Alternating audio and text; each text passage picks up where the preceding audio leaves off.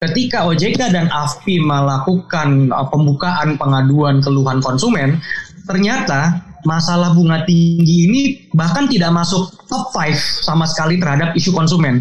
Hampir 60% itu pengaduannya itu masalahnya terkait dengan uh, aggressive debt collection. Box to Box Media Network.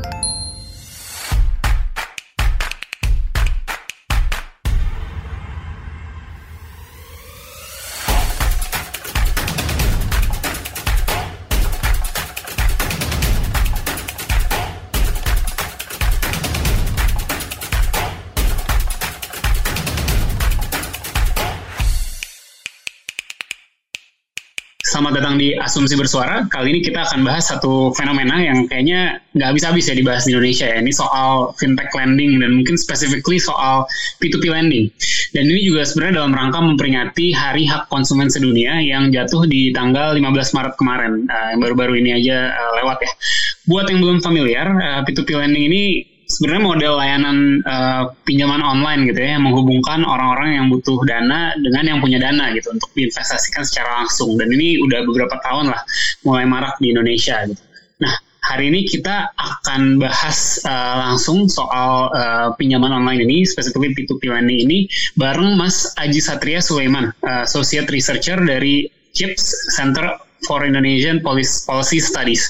Mas Aji, welcome to the podcast, Mas. Terima kasih. Mas, mungkin pertama-tama nih ya, uh, buat yang belum terlalu ngikutin gitu soal uh, P2P lending. Sebenarnya P2P lending itu apa dan dan landscape industrinya itu sekarang seperti apa gitu, Mas? Apa udah semarak itu sih di, di Indonesia sekarang?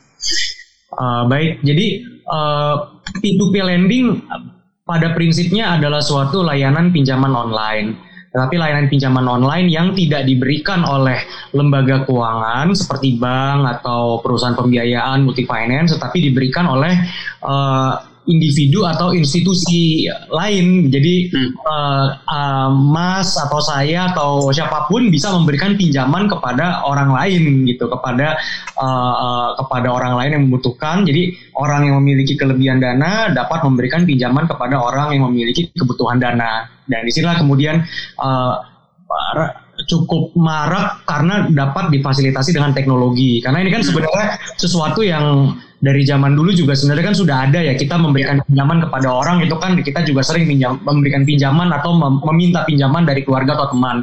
Tapi dengan teknologi ini pasarnya bisa terbuka, kita bisa memberikan pinjaman ke kawan kita yang di Aceh atau kawan kita yang dari Papua pun juga bisa memberikan pinjaman ke kita dengan teknologi. Jadi itu sebenarnya P2P lending dan uh, kalau kita bicara maka tentu akan ada dua market di sini. Pertama hmm. adalah market orang-orang yang memiliki kelebihan dana.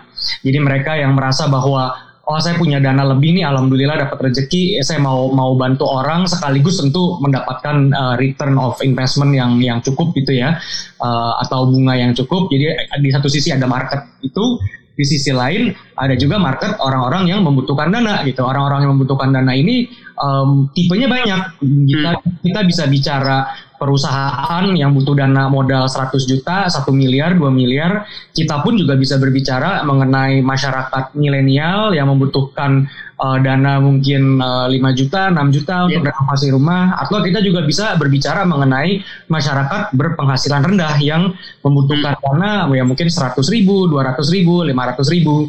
Jadi kalau tadi ditanya landscape-nya seperti apa, sebenarnya uh, beragam gitu landscape-nya bergantung hmm. dari perusahaan peer-to-peer lending ini dia memang mau menyasar ke market segmen yang seperti apa ya dan uh, ya tentu masing-masing uh, memiliki uh, skema bisnisnya yang berbeda lah karena memberikan pinjaman 2 miliar ke UKM tentu memiliki skema bisnis yang berbeda dengan memberikan pinjaman misalnya 500 ribu ke masyarakat atau individu. Iya iya kalau uh, ya berarti itu ya ada dari marketnya sendiri pertama dua sisi gitu ada market untuk um, apa peminjam dan ada market untuk orang yang mau meminjamkan gitu ya. Tapi juga dari yang mau meminjam sendiri tuh beda-beda banget gitu antara yang uh, kelas ya bukan kakap juga lah ya, yang kelas um, apa bisnis dengan yang kelas UKM bahkan sampai masyarakat. Kalau uh, trennya seperti seperti apa mas? Kalau yang mas um, mas Aji lihat ya uh, permintaan kredit di Indonesia ini setelah munculnya uh, P2P lending. Jadi kalau kita lihat uh, data dari uh, OJK itu memang uh, uh, masing-masing segmen ini memiliki tren yang uh, sendiri-sendiri lah gitu ya. Kalau misalnya kita uh, lihat dari uh, data di OJK, contohnya misalnya saat ini tren yang paling besar itu adalah tren pinjaman uh, dengan uh, skala mikro sebenarnya bukan mikro ya, cuman ya skala skala kecil lah. Kenapa? Karena. Karena ini adalah market yang saat ini belum uh, banyak disasar. Karena gini, kalau kita berbicara UKM, uh, eh, kita bicara UKM, uh, eh, ada ada dia bisa pinjam ke bank, dia kemudian bisa juga mungkin kalau kami ini menjaminkan tanahnya, dia bisa uh, punya alternatif ke perusahaan pembiayaan atau ke ada ada beberapa alternatif lah.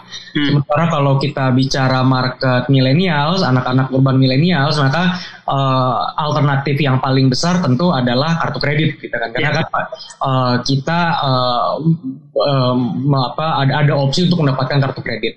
Tetapi masalahnya uh, pertama kartu kredit itu tidak mudah untuk di yeah. uh, akses gitu ya karena percaya atau tidak sampai sekarang hanya enam persen uh, dari masyarakat Indonesia yang memiliki penetrasi kartu kredit gitu dan Betul. Uh, itu sangat sedikit sekali dan masalahnya adalah kartu kredit itu mereka hanya menyasar orang-orang yang sudah memiliki kartu kredit. Karena sekali kita punya kartu kredit, itu tiap hari bisa diteleponin kan sama sales-sales kartu kredit, butuh kartu kredit tambahan nggak, butuh KTA nggak, butuh ini nggak, butuh itu.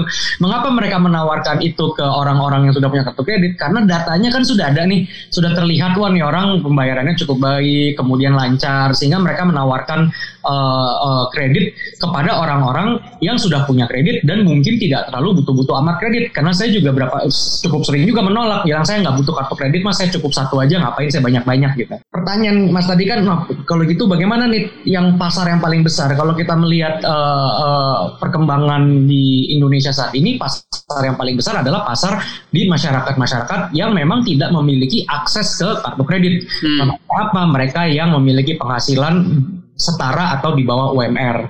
Mereka yang tidak memiliki pekerjaan tetap, pekerjaannya mungkin uh, pekerja harian atau uh, ya pekerja jasa sektor informal, uh, pekerja-pekerja aplikasi digital informal, uh, kita bicara misalnya supir uh, uh, uh, ojol, ride hailing. Nah, itu kan mereka adalah market yang sebenarnya memiliki kebutuhan dan uh, dana talangan yang cukup besar, tetapi di sisi lain tidak memiliki uh, akses ke layanan-layanan kredit formal yang sudah ada selama ini dan itulah sebenarnya market yang sangat besar dan uh, memang uh, kalau kita lihat uh, berdasarkan data Google Apps download yang ada uh, ini kita lihat adalah download paling besar adalah P2P lending yang memang memberikan pinjaman pinjaman talangan di sektor ini gitu ya dengan pinjaman mulai kecil ya 500 hmm. ribu hmm maksimal satu juta tapi kalau misalnya dikit uh, sudah sudah meminjam satu juta atau lima ratus ribu sekitar tiga empat kali baru kemudian limitnya bisa dinaikkan ke dua juta tiga juta. Dan ini modelnya pinjaman ini pinjaman tunai cash.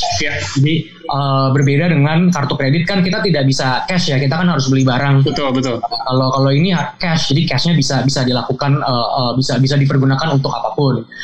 Nah tentu uh, karena kita hari ini topiknya berbicara mengenai perlindungan konsumen, maka kita hmm. berbicara mengenai konsumen yang cukup rentan di sini karena kita berbicara ya. mengenai masyarakat yang mungkin secara literasi keuangan belum terlalu paham mengenai cara pengelolaan keuangan. Uh, mereka yang mungkin pendapatannya juga harian, misalnya punya warung, warung kan pendapatannya harian ya tidak menentu. Hmm. Jadi secara literasi juga mungkin belum terlalu uh, uh, apa uh, sophisticated gitu ya, belum terlalu uh, kompleks. Tetapi mereka yang membutuhkan dana talangan ini secara market paling besar. Nah, tentu kalau kita berbicara konsumen tentu kita berbicara ya semuanya gitu. Maksudnya tadi ketika kita berbicara ketika kita berbicara market funder orang-orang yang kelebihan dana kan mereka konsumen juga sebenarnya kan. Mereka konsumen juga dan mereka juga ada resiko. Ketika ketika mereka memberikan dana uh, via peer to peer lending platform ada resiko dana mereka bisa hilang Nah, tapi uh, dan mereka pun harus lindungi dan otoritas jasa keuangan pun juga sudah cukup banyak melakukan langkah-langkah untuk melindungi. Tetapi kalau kita berbicara dari perspektif literasi konsumen atau kecerdasan atau pengetahuan uh, finansial, setidak-tidaknya kelompok ini sudah lumayan paham gitu karena kan mereka orang yang punya punya, yang punya uh, asumsinya ya. betul asumsinya kan dia pasti paling tidak dia sudah coba-coba iseng main saham, sudah coba-coba iseng beli ya. emas gitu. Jadi uh, betul harus dilindungi secara pelindungan konsumen tetapi ada juga kalau sebagian sebagian besar kelompok masyarakat yang membutuhkan dana di masyarakat di tingkat berpenghasilan rendah inilah yang sebenarnya jauh lebih rentan. Nah, mungkin kita bisa bisa lebih dalam mas soal, soal itu ya. Uh, kalau tadi mas uh, Aji sempat nyebut soal literasi uh, dan mungkin uh, kurang apa ya kurang paham gitu ya, uh, terutama masyarakat uh, berpenghasilan rendah gitu yang yang mungkin menjadi konsumen juga dari pinjol ini gitu untuk meminjam untuk kebutuhan segala macam. Biasanya masalah-masalah yang terjadi apa gitu mas yang yang yang apa ya yang mungkin karena kurang membaca atau karena kurang uh, paham gitu yang yang kemudian timbul masalah yang yang ada itu kalau dari pengamatannya Mas Aji seperti apa mas? Jadi kalau dari hasil uh, riset uh, yang kita lakukan, jadi kan saya di sini kan uh, dari uh, uh, Center for Indonesian Policy Studies kita uh, baru saja uh, merampungkan suatu studi uh, mengenai uh, yang judulnya meningkatkan perlindungan konsumen fintech peer-to-peer lending berpenghasilan rendah.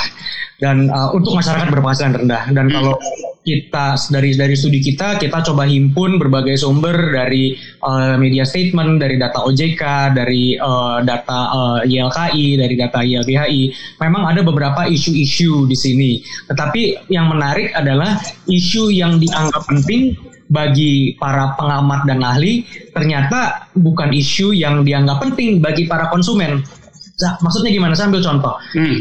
Karena kita berbicara mengenai pinjaman harian uh, tanpa data, maksudnya tanpa data adalah kita nggak tahu nih orang ini siapa. Kalau kartu kredit kan paling tidak kita minta uh, bukti uh, kerja di mana, slip gaji kan diminta seperti itu kan. Tapi kalau kita berbicara pinjaman harian payday loan ini istilahnya kan datanya benar-benar hampir tidak ada kecuali data yang mungkin secara digital bisa di bisa diakses.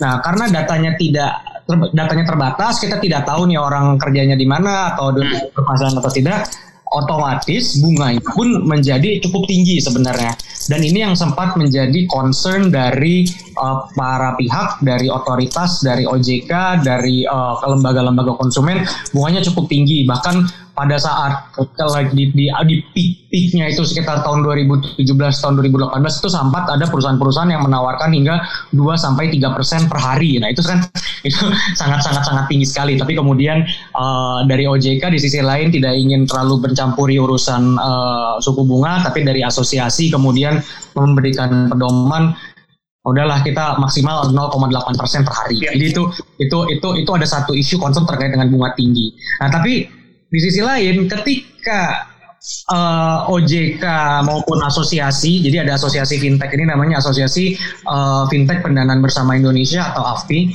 Ketika OJK dan AFPI melakukan uh, pembukaan pengaduan keluhan konsumen, ternyata masalah bunga tinggi ini bahkan tidak masuk top 5 sama sekali terhadap isu konsumen. Hampir 60% itu pengaduannya itu masalahnya terkait dengan uh, agresif debt collection atau uh, hmm, apa, iya. uh, ya, apa penagihan utang yang agresif ya bahkan cenderung uh, bersifat uh, bullying atau uh, apa uh, harassment gitu ya uh, nelpon berkali-kali, nel karena kemudian menelpon nomor yang ada di kontaknya, telepon bosnya, telepon ya, betul. Ini banyak kejadian nih kayak gitu. Ya, itu 60% uh, masalahnya uh, itu di sana.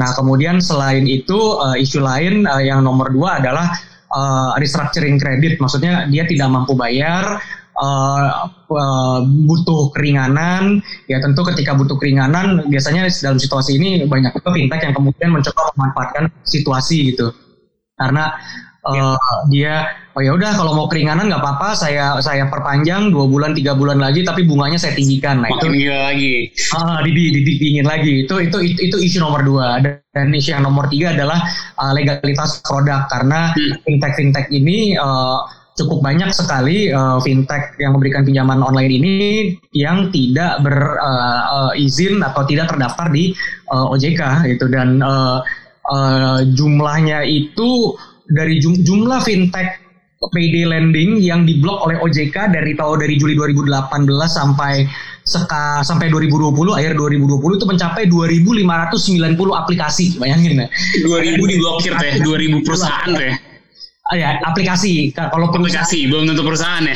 Belum karena si perusahaan ini kalau mereka ini kalau kalau fintech ini niatnya itu baik tentu dia akan comply dia bikin perusahaan dia apply ke OJK cuman kalau niatnya mereka udah jelek biasanya dia langsung bikin aplikasi banyak bikin 10 15 hmm dari 15 itu nanti 5 di blok OJK, 5 masih jalan, terus nanti 5 ya masih jalan di blok OJK minggu depan, nanti dia bikin lagi 5. Emang banyak yang bandel-bandel. Jadi app-nya mah sama aja ya, cuman dia beda-beda nama mungkin. Iya, beda dari, nama dari satu dari satu company yang sama gitu. Betul. Oh iya, mungkin tadi Mas Aji sempat nyebut um, pernah bikin riset soal ini ya. Mungkin kalau teman-teman yang dengerin asumsi bersuara ini pengen baca-baca makalahnya Mas Aji, itu bisa di-download di websitenya Chips Indonesia ya www chips-indonesia.org uh, judulnya meningkatkan perlindungan konsumen fintech P2P lending pada masyarakat berpenghasilan rendah. Ini kayaknya linknya juga kita taruh di description podcast ini nih mas. Uh, buat teman-teman yang mau baca. Ya, uh, mungkin mau lanjut soal tadi kan Mas Haji sempat nyebut juga ya ada beberapa masalah yang salah satunya adalah um, banyak karena mungkin banyak orang yang yang butuh dana cepat dan segala macam jadi uh, dan ini adalah jalan keluar juga uh, mungkin nggak nggak terlalu musingin nih ini uh, apa uh, pinjol yang resmi atau enggak pinjol yang bermasalah atau enggak gitu. Ya. uh, gimana sih sebenarnya cara kita bisa identify gitu ya? Konsumen-konsumen pinjol ini bisa identify dia harusnya minjem di yang mana nih yang emang jelas dan harusnya kalau misalnya kenapa-napa juga mereka nggak akan nggak akan uh, problematik lah ya cara-cara cara-cara uh, penagihannya. Misalnya ini asumsi saya kan gitu ya kalau misalnya resmi harusnya mengikuti kaidah-kaidah yang benar gitu pertama-tama itu benar nggak? Dan kedua gimana cara kita identify mas? Uh, eh, okay. harusnya ke yang mana nih gitu? Oke okay, so pertama untuk menjawab pertanyaan pertama apakah fintech yang legal yang terdaftar di otoritas jasa keuangan sudah pasti melakukan praktek secara benar?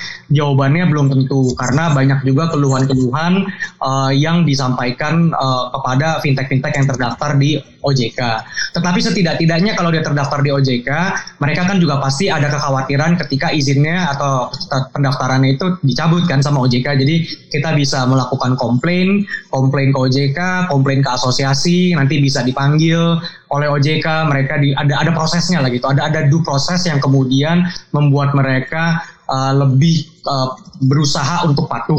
Tentu namanya perusahaan uh, di mana pun di sektor apa pun pasti ada yang bandel, ada yang ada yang ada yang rapi itu pastilah mau kita bicara perusahaan apa pun ya. Tetapi setidak-tidaknya ketika kita bicara terdaftar di OJK dia ada insentif untuk tidak terlalu bandel karena ada risiko uh, pendaftarannya akan dicabut. Jadi uh, itu hmm. menjawab pertanyaan yang pertama. Yeah. Ya. Uh, untuk menjawab pertanyaan kedua, bagaimana cara mengidentifikasinya? Nah, memang ini uh, uh, enggak antara antara antara gampang-gampang susah gitu ya. Maksudnya di secara secara secara kalau ditanya apakah gampang ya gampang gampang banget gitu. Kita masuk website OJK, kita tinggal cek aja listnya mana sih perusahaan-perusahaan fintech yang uh, terdaftar di OJK itu ada listnya semua. Uh, itu uh, yang dibutuhkan hanyalah cukup Google search gitu OJK fintech uh, terdaftar resmi itu langsung keluar itu listnya. Jadi itu sebenarnya tidak tidak tidak sulit gitu. Uh, tetapi di sisi lain seperti yang tadi juga sudah disampaikan bahwa ini kita berbicara mengenai masyarakat yang mungkin nomor satu tingkat literasinya rendah. Dan yang kedua dia kepepet banget gitu ya. Maksudnya kalau kalau kalau dia nggak kepepet dia mungkin masih bisa pinjam teman atau dia masih coba apply kartu kredit atau dia apa pun lah masih sebenarnya masih banyak cara lain. Jadi ketika dia sudah biasanya mereka yang memiliki fasilitas ini yang yang mencoba mencari fasilitas ini memang sudah sudah terdesak gitu keadaannya. Dan sehingga hal-hal yang kita anggap mudah ya lo cek aja lah gitu kan di OJK ini kan very simple hal yang kita anggap mudah ternyata nggak kepikiran juga gitu uh, uh, di bagi mereka. Jadi tentu perlu ada extra effort lah ada perlu ada upaya lebih untuk memberikan uh, edukasi uh, bahwa uh, sebaiknya hati-hati uh, dalam memilih produk yang tepat uh, untuk memenuhi kebutuhan mereka. Iya iya iya, Mas um, satu hal yang kayaknya sebenarnya penting juga dibahas itu soal PD loans ya. ya. Karena uh, kalau kalau di, di di luar kan uh, rame ya soal PD loans di Amerika gitu misalnya. Saya kayaknya pernah nonton uh, John Oliver ada bahas PD loans gitu di Amerika lumayan problematik. Di sini ada juga dan rame juga nggak tuh mas uh, soal PD loans ya yang yang emang buat nge, nge sampai gajian gitu. Nah jadi apa yang tadi saya uh, ceritakan itu itu semua adalah bentuk digitalisasi dari payday loan sebenarnya. Oh, I see. Ya, yeah, ya. Yeah. ya, jadi jadi gini nih. Jadi tadi ketika ketika ketika berbicara mengenai fintech peer to peer lending, orang uh, banyak yang berpikiran itu di awalnya adalah oh ini uh, uh, platform memper mempertemukan pe pe uh, orang yang butuh dana dengan orang yang memiliki uh, yang butuh dana dan memiliki dana Betul. yeah. UKM 1M, 2M apa ya 100 juta gitu misalnya. Tetapi sistem ini pun juga sebenarnya dapat dimanfaatkan untuk mendigitalisasi PD loans. Dan kalau kita berbicara uh, PD loans itu uh, uh, memang seperti yang disampaikan tadi memang uh, masalahnya lumayan uh, rumit gitu ya, pelik gitu ya. Ada pendekatannya Amerika, ada pendekatannya China. Pendekatannya Amerika tadi yang Mas sampaikan benar saya juga nonton itu di hmm. uh, uh, John Oliver. Udah lama sih. uh, betul betul dan uh, di di John Oliver itu kan di, di disampaikan bahwa uh, di satu sisi itu kebutuhan tuh ada gitu. Kita tidak mungkin melarang sesuatu yang orang butuh gitu. Ada orang butuh kok masa kita masa kita larang gitu kan. Hmm. Uh, emang emang emang lo mau kasih duit ke dia? Lo kalau mau larang yeah. gue cuma lo yang kasih duit gitu kan. Jadi kan kebutuhan kan sebenarnya ada. Cuma uh, uh, di sisi lain memang ada ada ada problem-problem uh, problematika yang uh, uh, mengikuti uh, kebutuhan tersebut. Nah kalau di di Amerika itu uh, gini PD loan itu kan dulu secara historis itu kan sebenarnya nggak nggak digital. Jadi benar-benar kayak kios-kios kayak gadai-gadai di pinggir jalan gitu aja kan. Uh, uh, ngasih duit gitu. Kayak cuman gara-gara teknologi ini menjadi digital Nah, ada beberapa langkah yang memang banyak dilakukan. Contohnya misalnya Google. Google itu baru beberapa bulan yang lalu mereka membuat kebijakan kita tidak akan memfasilitasi pinjaman di bawah uh, tiga bulan. Jadi uh, uh, dan yang yang bayarnya itu kontan karena karena hmm. kenapa, kenapa sih namanya istilahnya PD loan karena itu bayarnya itu bukan kontan sorry uh, uh, uh, sepenuhnya. Jadi kita minjem kita minjem 500 ribu sekarang karena kita berharap nanti dapat gaji satu juta di akhir bulan. Ya. Begitu akhir bulan dapat gajian itu 500 ribu tuh kita bayar sepenuhnya langsung plus bunga.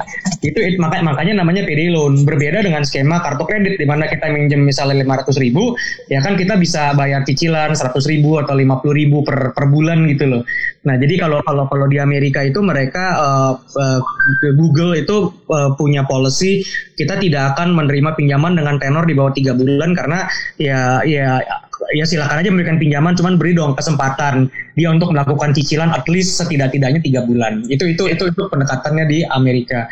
Kalau di China itu uh, uh, uh, memang cukup agresif di China lebih gila lagi ya mas itu lebih agresif lagi karena kan datanya itu uh, mereka mereka kan yang menemukan konsep ide untuk memberikan pinjaman berbasis data alternatif itu kan mereka. Mereka nanti yeah. ngambil apa mereka mengakses data lokasi. Karena misalnya ditanya uh, oke okay, uh, pekerjaannya apa? Oh, pekerjaan saya misalnya uh, uh, apa misalnya ya uh, warung gitu. Misalnya saya penjaga warung dicek dicek lokasi GPS-nya selama seminggu kok muter-muter terus? Kita bisa nanya lo penjaga warung apa supir gojek nih? Jangan bohong sama gue jadi kan salah satu contoh bagaimana data data itu dapat digunakan. Tentu ada ada positif dan ada negatifnya. Sepanjang kita bisa memanfaatkan itu uh, dengan baik lah gitu kan dengan dengan bijak dengan dengan, dengan aturan yang jelas. Nah kalau di China itu uh, kasus-kasusnya tuh lebih lebih aneh-aneh bin ajaib lagi. Untungnya masyarakat Indonesia masih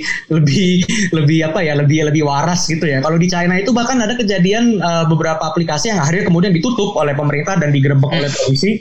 Mereka bisa memberikan pinjaman. Uh, kita kasih pinjaman sekarang detik ini juga saya kasih berapa yuan gitu. Syaratnya uh, ini deh uh, saya minta foto kamu Google sekarang. iya iya gue pernah baca juga tuh. iya kalau sampai satu minggu nggak dibayar nih fotonya bakal disebar ke sosial media kan gila kan kayak gitu. Ini untungnya kayak di Indonesia belum ada yang saya tahu praktek kayak gini ya. Mudah-mudahan sih nggak boleh ya. Uh, di Indonesia ini udah udah pasti nggak boleh lah itulah. Inti, intimidasi sambil dengan mengancam dengan kekerasan saja sebenarnya tidak boleh. Jadi hmm.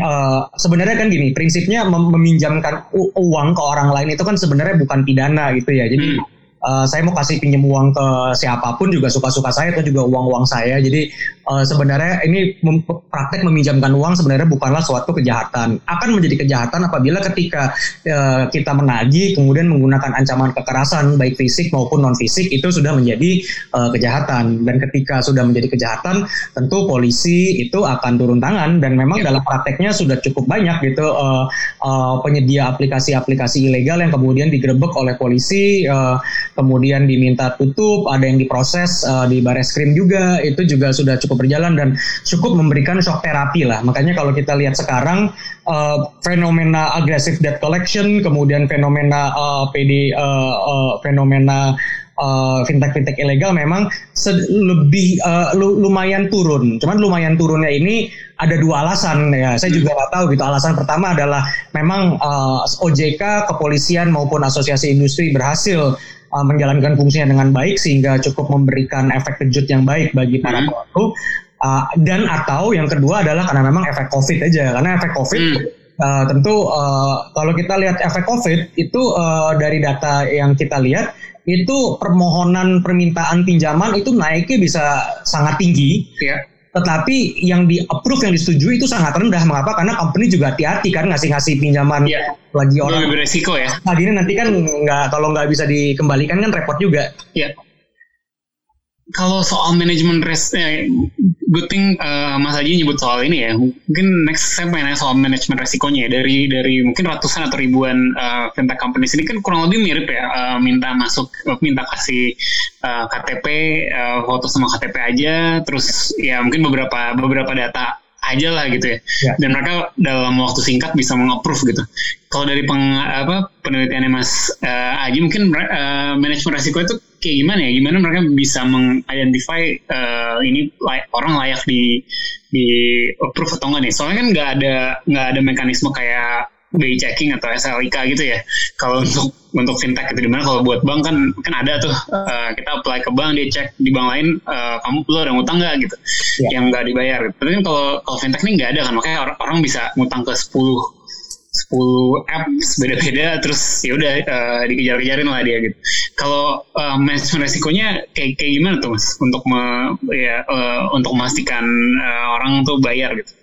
Jadi seperti tadi uh, Mas Ray sampaikan mungkin kalau tadi saya lihat sepertinya pertanyaannya ada dua ya. Pertama manajemen risiko dalam memberikan kredit dan yang kedua bagaimana uh, uh, menciptakan semacam uh, shared database seperti BI checking atau SLIK ya. Jadi hmm. mungkin yang, yang pertama dulu terkait dengan manajemen risiko. Nah memang dari penelitian kita itu kita uh, menemukan bahwa perusahaan fintech itu uh, dia bisa mendapatkan data point itu bisa sampai 2000 atau sampai 3000 data points untuk menganalisis uh, kemampuan bayar seseorang. Ini ini kita berbicara ideal ya. Maksudnya uh, uh, 2000 sampai 3000 itu tidak hanya data yang diberikan tetapi data yang di akses diberikan yeah. kalau A diberikan kita foto KTP itu kita memberikan data kita tapi selain itu ada juga data yang diakses uh, tentu kalau kita berbicara uh, aturan yang proper dan fintech yang proper tentu harus dapat diakses secara uh, uh, diakses sesuai dengan kaidah-kaidah perlindungan data pribadi. Nah, data apa sih? Ya macam-macam kayak data data e-commerce, data ride hailing tadi kan contohnya dia dia sudah ke mana aja selama berapa minggu, e-commerce dia belanja apa saja, telco, telco itu uh, telco itu bisa lihat data lokasi, data BTS, data pembayaran pulsa, dia bayar pulsa dia bayar dia beli dia beli pulsa berapa banyak berapa kali yeah. beli pulsanya harian atau mingguan atau bulanan itu itu ada ada behavioral analisis yang bisa kita lihat di sana. Karena orang yang beli pulsanya tiap dua hari sekali sama orang yang beli pulsanya tiap sebulan sekali itu biasanya uh, menunjukkan oh ini orang beli pulsa dua hari sekali berarti ini orang emang penghasilannya penghasilan harian kan bisa mm -hmm. jadi uh, data poinnya itu sebenarnya banyak. Tetapi uh, uh, itu kita berbicara ideal makanya. Kalau kita berbicara uh, yang tidak ideal, tentu dalam prakteknya uh, nggak semua orang punya uh, e-commerce, nggak semua orang juga jalan apa muter-muter pakai Gojek. Jadi uh, ketika data tersebut terbatas, uh, bunganya pun menjadi semakin tinggi gitu. Jadi intinya semakin datanya semak, semak, semakin sedikit datanya, bunga yang ditawarkan oleh si fintech ini semakin tinggi dan itu uh, lagi-lagi ini berpengaruh besar terhadap perlindungan konsumen karena orang yang memiliki yang dat orang yang memiliki datanya terbatas itu justru biasanya masyarakat yang berpenghasilan rendah dan akhirnya mendapatkan tawaran bunga yang lebih tinggi gitu kan. Dan ini kan uh, jadi jadi jadi parad apa paradoksnya di situ gitu sebenarnya. Ya, itu itu itu itu satu. Nah, kemudian tadi terkait uh, pertanyaan uh, Mas Rey yang kedua uh, terkait dengan sharing database betul. Jadi kalau dulu di BI itu ada yang namanya BI checking, uh, kemudian uh, di uh, apa uh, OJK BI checking itu pindah itu menjadi uh, uh, Slick gitu ya, tapi itu sebenarnya datanya sama. Ya, Nah, Slick itu saat ini kalau kita lihat hanya kurang dari 10% dari penduduk dewasa Indonesia yang terdaftar di Slick. Nah, hmm. orang yang terdaftar di Slick ini lagi-lagi nih orang yang memiliki kartu kredit, orang yang punya KPR ya. gitu kan, lagi lagi cicilan. Yang bankable ya. Yang bankable betul. Nah, 90% masyarakat Indonesia itu tidak ada di Slick. Nah, pertanyaannya tentu dengan adanya peer-to-peer lending, ketika mereka memberikan uh, pinjaman ke masyarakat yang di luar Slick, harusnya ini kan jadi memperkaya data Slick kan karena kalau mereka mereka memberikan pinjaman datanya kemudian dimasukin ke Slick otomatis teragregasi nih. Jadi database-nya Slick tuh seharusnya memang menjadi semakin besar. Tetapi memang ini suatu proses yang uh, tidak mudah juga dilakukan integrasi data ini. Uh, dari asosiasi sendiri mereka sudah mencoba memulai uh, sharing database. Jadi uh, udahlah kita lupakan dulu Slick untuk sementara. Kita berbicara di antara kita kita saja dulu. Hmm. uh, kita sharing database di antara kita uh, baik positif list maupun uh, negatif list gitu ya. Positif negatif list itu apa? Fraudster ya orang-orang yang uh, gagal bayar. Positif list ya uh, lebih itu lebih kontroversial lagi karena kan ada kekhawatiran uh, uh, uh, wah berarti nanti lo bisa nyolong data konsumen gue dong ya ada ada kekhawatiran juga cuman kan itu sepanjang sistemnya didesain dengan aman enkripsinya baik kemudian juga ada ada ada sandi-sandi tertentu harusnya itu bisa di, di, di, dilakukan dan memang sudah dijalankan. Ini prosesnya bukan proses yang mudah negosiasi secara komersialnya juga tidak mudah, integrasi secara sistem pun juga tidak mudah, tetapi uh, su sudah dua tiga bulan terakhir kalau nggak salah sudah mulai dijalankan oleh asosiasi gitu. Jadi mudah-mudahan bisa memberikan dampak yang uh, cukup uh, positif juga. Iya. Uh, Mas mungkin mau nanya soal peran OJK sendiri ya. Kalau tadi kan udah sempat disebut ya kalau di perbankan OJK uh, ada ada slick gitu. Kalau kalau soal um, P2P lending dan mungkin pinjol-pinjol ini peran OJK seperti apa ya? Apakah hanya sebatas um, ya mendaftar tadi mana yang resmi mana yang enggak gitu yang resmi harus ikutin aturan ini itu atau atau seperti apa sih kebijakan-kebijakan OJK sekarang dan um, ya maksudnya udah udah cukup belum ya? Uh, gini ya, jadi kalau peran OJK adalah mereka mendaf uh, menerima pendaftaran memberikan perizinan kepada fintech. Hmm. Dan ketika sudah terdaftar dan atau berizin, mereka melakukan pengawasan. Pengawasannya pun juga cukup uh, detail, mengawasi siapa pemegang sahamnya, direksinya, uh, kemudian proses bisnisnya, SOP, semua pelindungan konsumen itu diatur semua oleh OJK. Itu itu itu uh, cukup clear di sana dan OJK sebagai regulator lembaga jasa keuangan memang memang cukup apa ya memiliki sumber daya lah untuk melakukan hal tersebut. Nah, tetapi isunya adalah seperti yang tadi saya sampaikan me, me, membe, memberikan pinjaman uang ke orang lain kan sebenarnya boleh-boleh aja gitu kan. Kalau saya mau berikan pinjaman ke Mas Rey pertanyaannya adalah terus kalau misalnya dia tidak mau terdaftar ke OJK gimana? Kalau emang dia begal uang uang uang uang grup-grup saya nih saya punya uang lebih. Nah di sinilah kemudian ada hal-hal yang memang berada di luar skopnya OJK gitu. Dan uh, uh, kalau kita berbicara ini uh, apa sih kalau kita berbicara di dunia maya kita berbicara kominfo. Kemudian kalau kita berbicara sudah menyangkut aspek-aspek uh, kejahatan kita berbicara uh, polisi tentu baris krim gitu cybercrime. Nah kominfo dia bisa uh, uh, uh, dan sudah melakukan proses uh, uh, apa istilahnya uh, scrape uh, ini uh, pengawasan uh, screening uh, terhadap perusahaan-perusahaan yang uh, melakukan aktivitas pinjaman tanpa izin OJK. Jadi OJK tidak bisa ngapa-ngapain, yang bisa melakukan adalah uh, yang bisa dilakukan oleh OJK adalah memberikan info kepada Kominfo, eh perusahaan-perusahaan ini tidak dapat uh, tidak tidak punya izin loh. Jadi dan dia juga tidak terdaftar juga di Kominfo. Nah, Kominfo bisa melakukan dua hal. Pertama, dia bisa minta aplikasi Google Play Store untuk mendrop uh, aplikasi ini dan selama ini Google cukup comply kalau mereka mendapatkan surat resmi dari Kominfo untuk uh, mencoret delete beberapa aplikasi pinjol-pinjol ilegal langsung di delete sama sama sama Kominfo eh sama sama Google uh, Play Store. Uh, atau yang kedua uh, Kominfo juga bisa minta uh, kepada ISP atau uh, Internet Service Provider uh, termasuk ya apa kayak Disnet atau apa lagi itu Telkomsel itu matiin matiin aspek apa uh, aksesnya gitu off akses itu bisa bisa dilakukan seperti itu dan prakteknya sudah dilakukan juga. Jadi ya. uh, satu OJK, dua Kominfo dan yang ketiga ketika sudah ada unsur kejahatan di sana uh, Bareskrim uh, pun juga masuk. Dan yang keempat mungkin yang perlu saya tambahkan selain lembaga institusi negara uh, ada juga lembaga uh, asosiasi industri yang memang memiliki kepentingan juga untuk menjaga industri ini supaya uh, uh, uh, citranya baik gitu. Karena kan uh, yang bandel-bandel ini kan mungkin ya lumayan banyak dan bikin noise, membuat gelisah dan gerah masyarakat maupun pejabat publik, ketua OJK, presiden, menteri keuangan sampai membuat statement. Jadi kan ini sudah menjadi masalah nasional gitu. Sementara di sisi lain banyak sekali perusahaan-perusahaan yang memang niatnya baik, tidak ada maksud buat uh, apa, merugikan konsumen dan mereka menjalankan bisnisnya dengan proper. Nah orang uh, perusahaan kumpulan-kumpulan perusahaan inilah yang kemudian tergabung di dalam asosiasi industri yang membuat berbagai macam program-program gitu ya. Mulai dari complaint handling, edukasi, masuk-masuk ke ke kampus, masuk-masuk ke radio, ke asumsi bersuara juga mungkin suatu saat seperti ini kan. Bagian ini dari, dari edukasi publik juga kan untuk memberikan pemahaman bahwa hati-hati nih ya, uh, yakinkan dirimu sebelum Anda meminjam dan ketika sudah yakin meminjam beri pinjamlah pada tempat-tempat yang tepat gitu. Ya, ya. Uh, kalau dari Mas Haji atau dari yang dari riset yang yang dilakukan ya, ada rekomendasi kebijakan apa Mas untuk mendukung perlindungan konsumen lah ya, terutama mungkin yang yang tadi yang uh, berpenghasilan rendah atau yang uh, literasinya mungkin kurang. Uh, ada ada rekomendasi kebijakan apa nih mas untuk pemerintah atau mungkin juga buat ini ya buat asosiasi ya, yang mungkin um, apa apa yang bisa dilakukan nih untuk untuk mendukung perlindungan konsumen nih? Sebenarnya kalau kita berbicara mengenai rekomendasi kebijakan, pertama harus dipaham, harus di, saya ingin ingin menekankan bahwa sebenarnya kita sudah on the right track ya. Maksudnya hmm. ini ini ini tuh isu heboh banget. Saya masih ingat saya dulu karena sebelum saya di saya di SIPS itu saya dulu sempat ngurus asosiasi. Saya sempat ngurus asosiasi. Saya masih ingat banget itu bulan Juli 2018 tiba-tiba apa uh, uh, ketua OJK pada saat itu eh 2017 apa 2000 eh 2018 ya.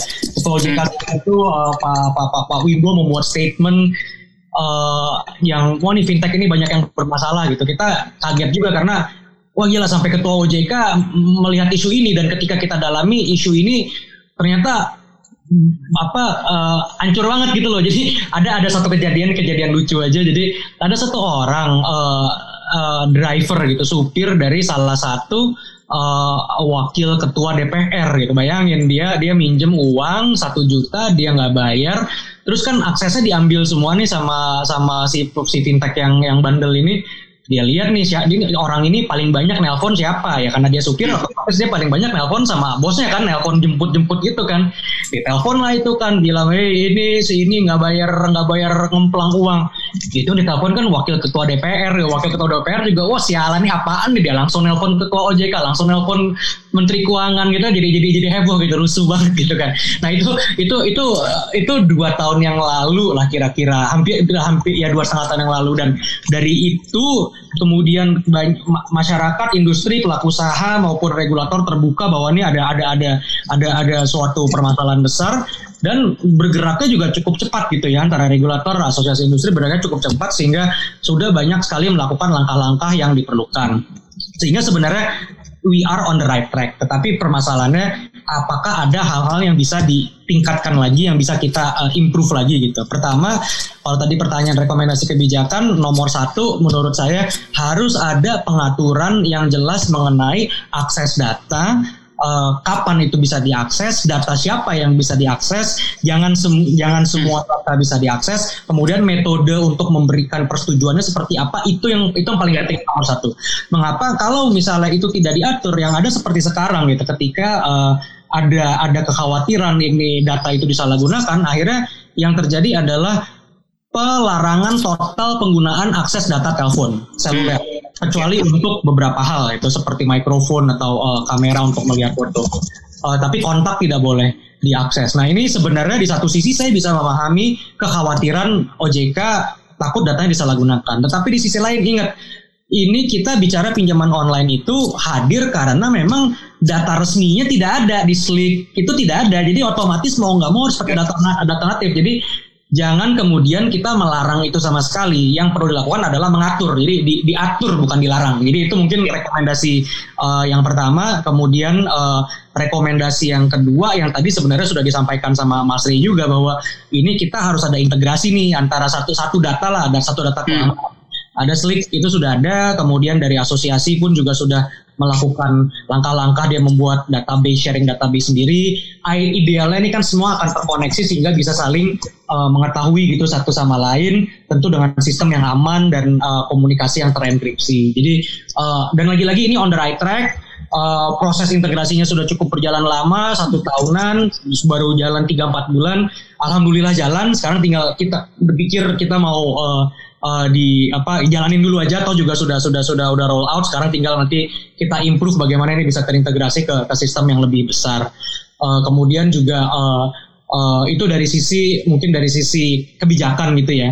Nah tapi dari sisi industri pun juga industri juga memiliki peran yang yang besar juga. Karena ini kalau kita berbicara dunia digital kita tidak bisa sepenuhnya kita tidak bisa sepenuhnya rely atau percaya bukan percaya kita tidak bisa sepenuhnya berharap pada regulator atau pemerintah. Karena bagaimanapun juga pemerintah akan selalu tertinggal dari teknologi dari uh, industri. Jadi mau tidak mau industri pun juga harus mengambil sikap yang jelas. Dan selama ini memang sudah dilakukan dengan suatu konsep yang uh, disebut apa koregulasi lah gitu di mana hmm pemerintah dengan industri bersama-sama melakukan regulasi yang uh, apa penegakan regulasi. Contohnya apa sih? Gitu. Contohnya misalnya uh, yeah. uh, asosiasi ikut memantau ketika ada aplikasi yang uh, ilegal, dia bisa info ke OJK.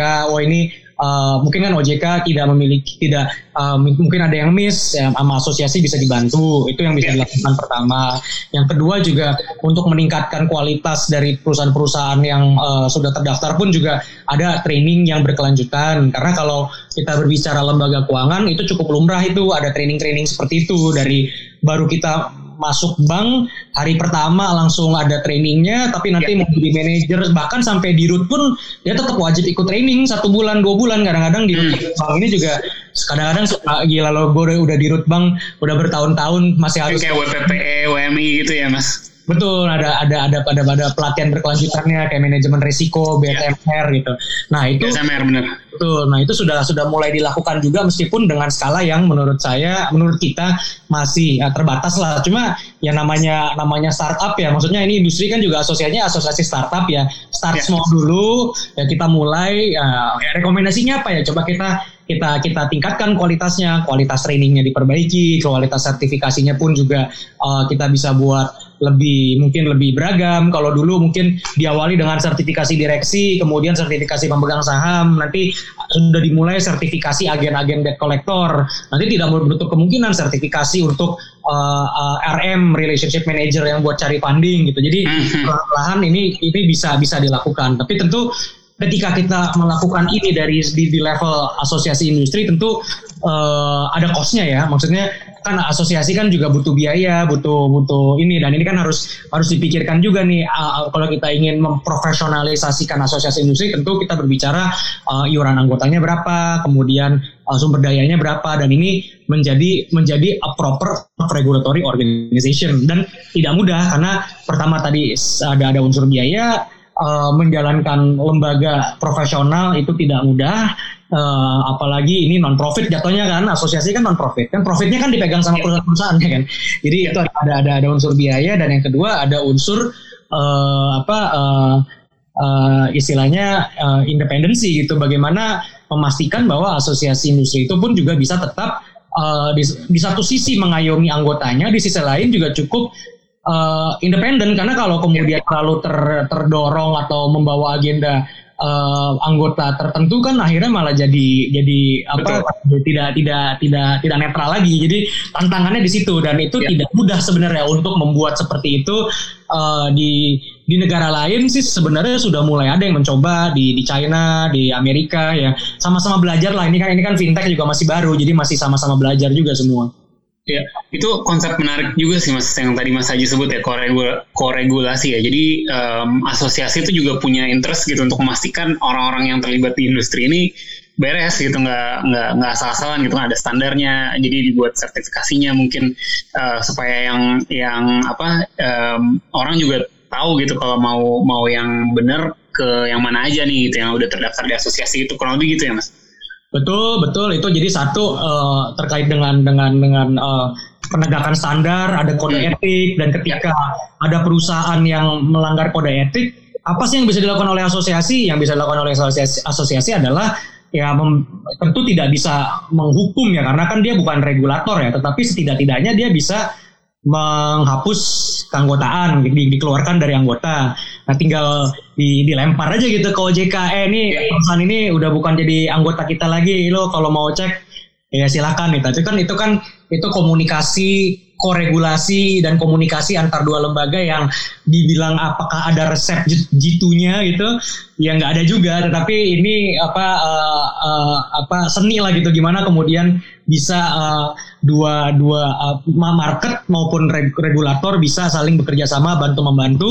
Uh, secara positif ada ada ada ada benefit yang besar karena sumber dayanya jadi kan jadi lebih besar nih tetapi tentu secara negatif akan ada juga resiko-resiko yang perlu diantisipasi seperti yang tadi saya sampaikan. Jangan sampai ini kemudian menjadi uh, alat untuk uh, mendorong uh, agenda perusahaan tertentu yang ya. kebetulan misalnya sedang ada di boardnya. Nah itu kan itu uh, dan ini ya di mana-mana uh, kita nggak hanya bicara industri keuangan saja di di semua industri pun resiko ini pasti ada dan tidak hanya di Indonesia aja di seluruh dunia pun juga ada juga risiko ini. Iya iya.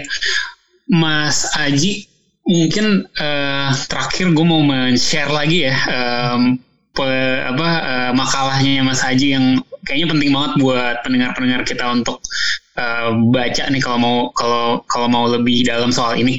Jadi mau ngingetin lagi uh, kalau uh, teman-teman tertarik untuk baca lebih dalam soal P2P lending ini bisa download makalahnya Mas Aji dengan judul meningkatkan perlindungan konsumen fintech P2P lending pada masyarakat berpenghasilan rendah yang dibahas uh, hari ini dan ini didukung juga penulisannya oleh Consumer Protection in ASEAN atau Protect yang diwujudkan oleh uh, eh, GIZ ya lembaga kerjasama Jerman dan didanai oleh Kementerian Federal untuk Kerjasama Ekonomi dan Pembangunan Jerman atau BMZ.